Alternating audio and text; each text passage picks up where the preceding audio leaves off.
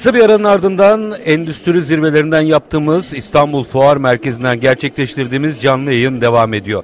Efendim bugün buralar burada neler konuşuluyor? 8. robot yatırımları hepsinin sonuna zirvesi ve sergisi ekleyebilirsiniz. 8. robot yatırımları, 5. endüstri 4.0 uygulamaları, 4. enerjisini üreten fabrikalar, 7. proses otomasyonu, 1. depolama ve intralojistik yine zirvesi, e, bir, birinci kazan ve basınçlı kap zirvesi gerçekleşti. Yine eş zamanlı olarak depreme dayanıklı binalar zirvesi ve sergisi de e, gerçekleşiyor. Tüm gün boyunca aslında burada e, çok sayıda e, panelde gerçekleşti ve bu panelde uzmanlar e, büyük ölçüde görüşlerini e, dile getirdiler ve yine kıymetli bir konuğum var. E, buradan açacağız. Efendim Barış Teknolojik Tesisat Sistemlerinden Metin Filizci bizlerle birlikte. Sayın Filizci hoş geldiniz. Çok teşekkür ederim, hoş bulduk. Üstadım ilk günün aşağı yukarı sonuna doğru geliyoruz. Baktığımızda bir fotoğraf çekin bize ne olur. Ne konuşuldu, ne yaşandı, buradaki sizin gördüğünüz not defterinize düşenler nelerdi? Ee, teşekkürler Çetin Bey. Öncelikle şunu söyleyeyim. Biz e, sürekli bu, e, organizasyona katılıyoruz. Bu yıl dördüncüsü. E, bundan önce ilk üç yıl Tuzla'daydı. E, orayı da deneyimlediğimiz için burayı artık daha rahat gözlemleyebiliyorum. E, orada böyle tek holde e, 3-4 farklı e, konu başlığında olan fuar artık daha büyük bir mecraya taşınmış. E, bu anlamda güzel e, ve değerli buluyorum. E, katılan firma sayıları gün geçtikçe artıyor e, ve firmaların özellikle bu fuara olan ilgisi artıyor. Ha, bu benim şahsi düşüncem. E, sektörde benzer fuarlar var. Hatta çok daha eski düzenlenen fuarlar var. Ben şu anda uzak ara bu fuarın gerçekten bizim anlamımızda, katılımcılar anlamında en iyi fuar olduğunu düşünüyorum. Çünkü gerçekten ihtiyacı olan kişiler geliyor. Geçen sene de bu böyleydi. Biz, zirveler yine tıktım tıktım. Zirveler öyle. Zirveler çok güzel. Ee, sabahtan e, çok yoğun geçti. E, sadece fırsatım oldukça gözlemleme şansım oldu. Standı bırakamadık tabii ama arada bir geçme şansımız oldu. E, zirveler iyi geçiyor. Konu başlıkları çok güzel zirvelerde. Özellikle sadece bir fuar gezmesi olarak düşünmemek lazım bunu. Mesela ben bir Gaziantep'ten tanıdığım e, sektörün içinden e, bir abimizi e, telefon konuşmasıyla ben bunu kaçırma dedim. E, ve Dinlettiniz mi? E, yok geldi buraya geldi. Ha, geldi. Gaziantep'ten uçağa bindi ya dedi madem öyle dedim ki ya sektörün bütün e, paydaşları burada. E, dolayısıyla sen bu firmalara ulaşmak için bir ay vakit ayıracaksın. Burada bir saat iki saat içerisinde hepsiyle görüşme fırsatım var. E, burada güzel olan taraf şu. E, sektörün paydaşları zaten birbirimizi tanıyoruz ama ikili ilişkilerimiz gayet iyi gelişiyor. E, aslında şunu fark ediyoruz. E, biz bir rakip değiliz. E, çoğu firmayla e, bırakın rakibi rekabeti birlikte çalışma fırsatlarımızın olduğunu da görüyoruz.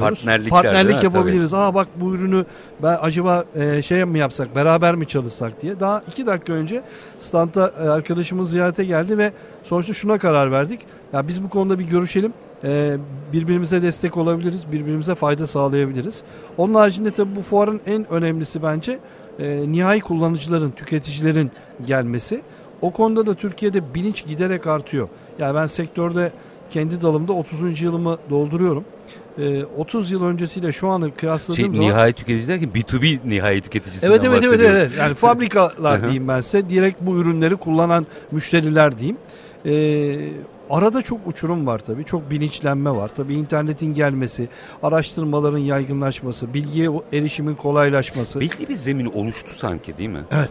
Ya en azından bir sorgulama aşamasına geldik sanki.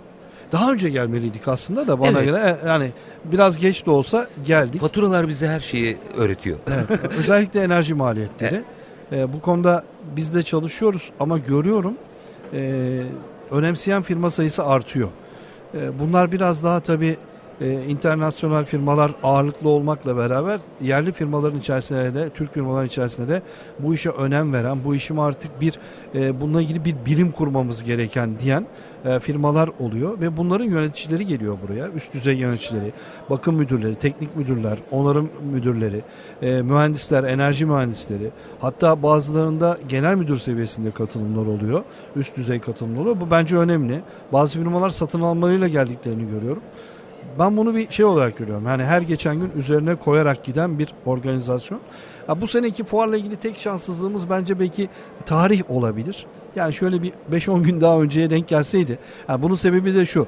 Yabancıların da gelebileceği bir fuarda tabii onlar bir e, yılbaşı nedeniyle e, daha çok tatile tatil moduna girdikleri için e, bence o o Abi biraz biz önce bir evi toplayalım mı? Evet biraz öyle ama hani onlar da olsaydı e, fena olmazdı. E, pastada çeşit olurdu diye düşünüyorum. E, çünkü hani sadece iç piyasa değil bizim ihracata da tabii ki, ihtiyacımız tabii ki. var. E, o noktada e, hatta ben az önce de sordum acaba önümüzdeki sene ne zamana geliyor tarih diye. Neyse bir 15-19 Aralıkmış. Onu da şimdi ufak e, ufak ufak ufak öne doğru almışız. O bizim için avantaj.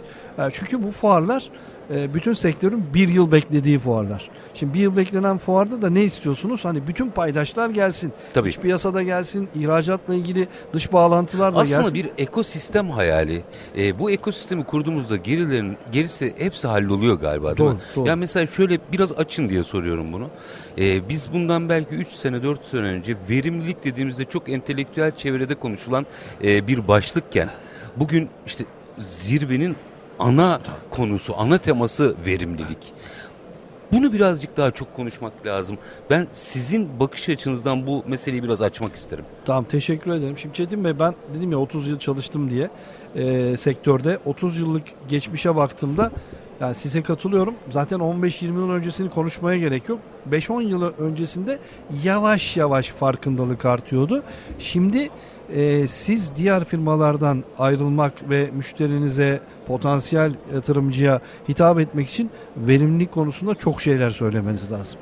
Yani öbür türlü imalatsa herkes bir imalat yapıyor. Yani artık üretim yapıyor. kaliteyi kimse tartışmıyor. Şeyi yani onlar, onlar zaten oturdu. olmazsa evet. olmaz. Yani C belgesiz artık evet. bir şey üretemezsiniz. Yani, yani bana belgenle gelme evet, Şimdi kimse bize şey sormuyor. 10 sene önce soruyordu. Ya ben senden bunu alacağım ama C sertifikan var mı? Şimdi sertifikasyonları falan geçtik. Verimlilik. Verimlilik. Ee, Matematik konuşuyor aslında ve artık. Biz mesela şunu öneriyoruz müşterilerimize.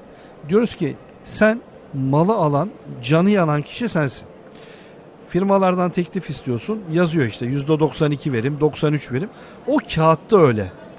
Bunu realde alıp almamak senin kabiliyetinde. Eğer sen performans garantili sözleşme diye ısrar edersen o zaman gerçekte o kağıtta 92-93'leri göreceğiz. Oraya kağıda mı yazmış? Yoksa o kağıtın ötesinde insan veya o firma kendine güveniyor ve o sözleşmeye imza atıyor mu atmıyor mu? Bu bence çok büyük avantaj. İyi ile kötüyü ayırmanın yolu söz uçar yazı kalır mı? Aynen öyle. Çünkü öbür türlü şey hani öbür türlü bir vaat var ama havada kalan bir vaat var. Kağıtta yazıyor 92 verim 95 verim. Ama işi teslim ettiğinizde orada bağımsız bir denetim kuruluşu tarafından, üçüncü bir third party tarafından sizin kurduğunuz tesis verim garantili olarak onaylanıyorsa ha ben diyorum ki doğru firmada çalışıyorum, doğru iş yapıyoruz ve müşterimize de doğru ürünü satıyoruz. Çünkü Türkiye'deki bence en büyük şey buydu. Ee, alıcı firmalar yani son kullanıcılar iyi niyet içerisinde alıyor. Ama bu iyi niyeti geçmesi lazım. Tamam güzel çok güzel Hepimiz söylüyorsun. Hepimiz iyi niyetli olalım Hepimiz iyi niyetli olalım ama yetmez. bir de taahhütümüzü yerine getirelim. Yani ekonomi konuşuyorsanız evet. bunun matematikle konuşulması Aynen öyle. Şimdi lazım. az önce mesela bir fabrikadan geldiler. Fabrikadaki e, bir saatlik duruşun maliyetinin 5 pardon özür dilerim 1 dakikalık çok özür dilerim bir saati 1 da 1 dakikalık üretim kaybı 500 bin TL dedi. Yani rakam rakam Hocam konunun kapandığı yer neredeyse. Ya, bir dakikada bir 500, 500 bin, bin TL seri üretim yapan çok da tüketilen bir üründen bahsediyorum. Ve dedi ki ben şu anda neyi yapıyorum biliyor musunuz?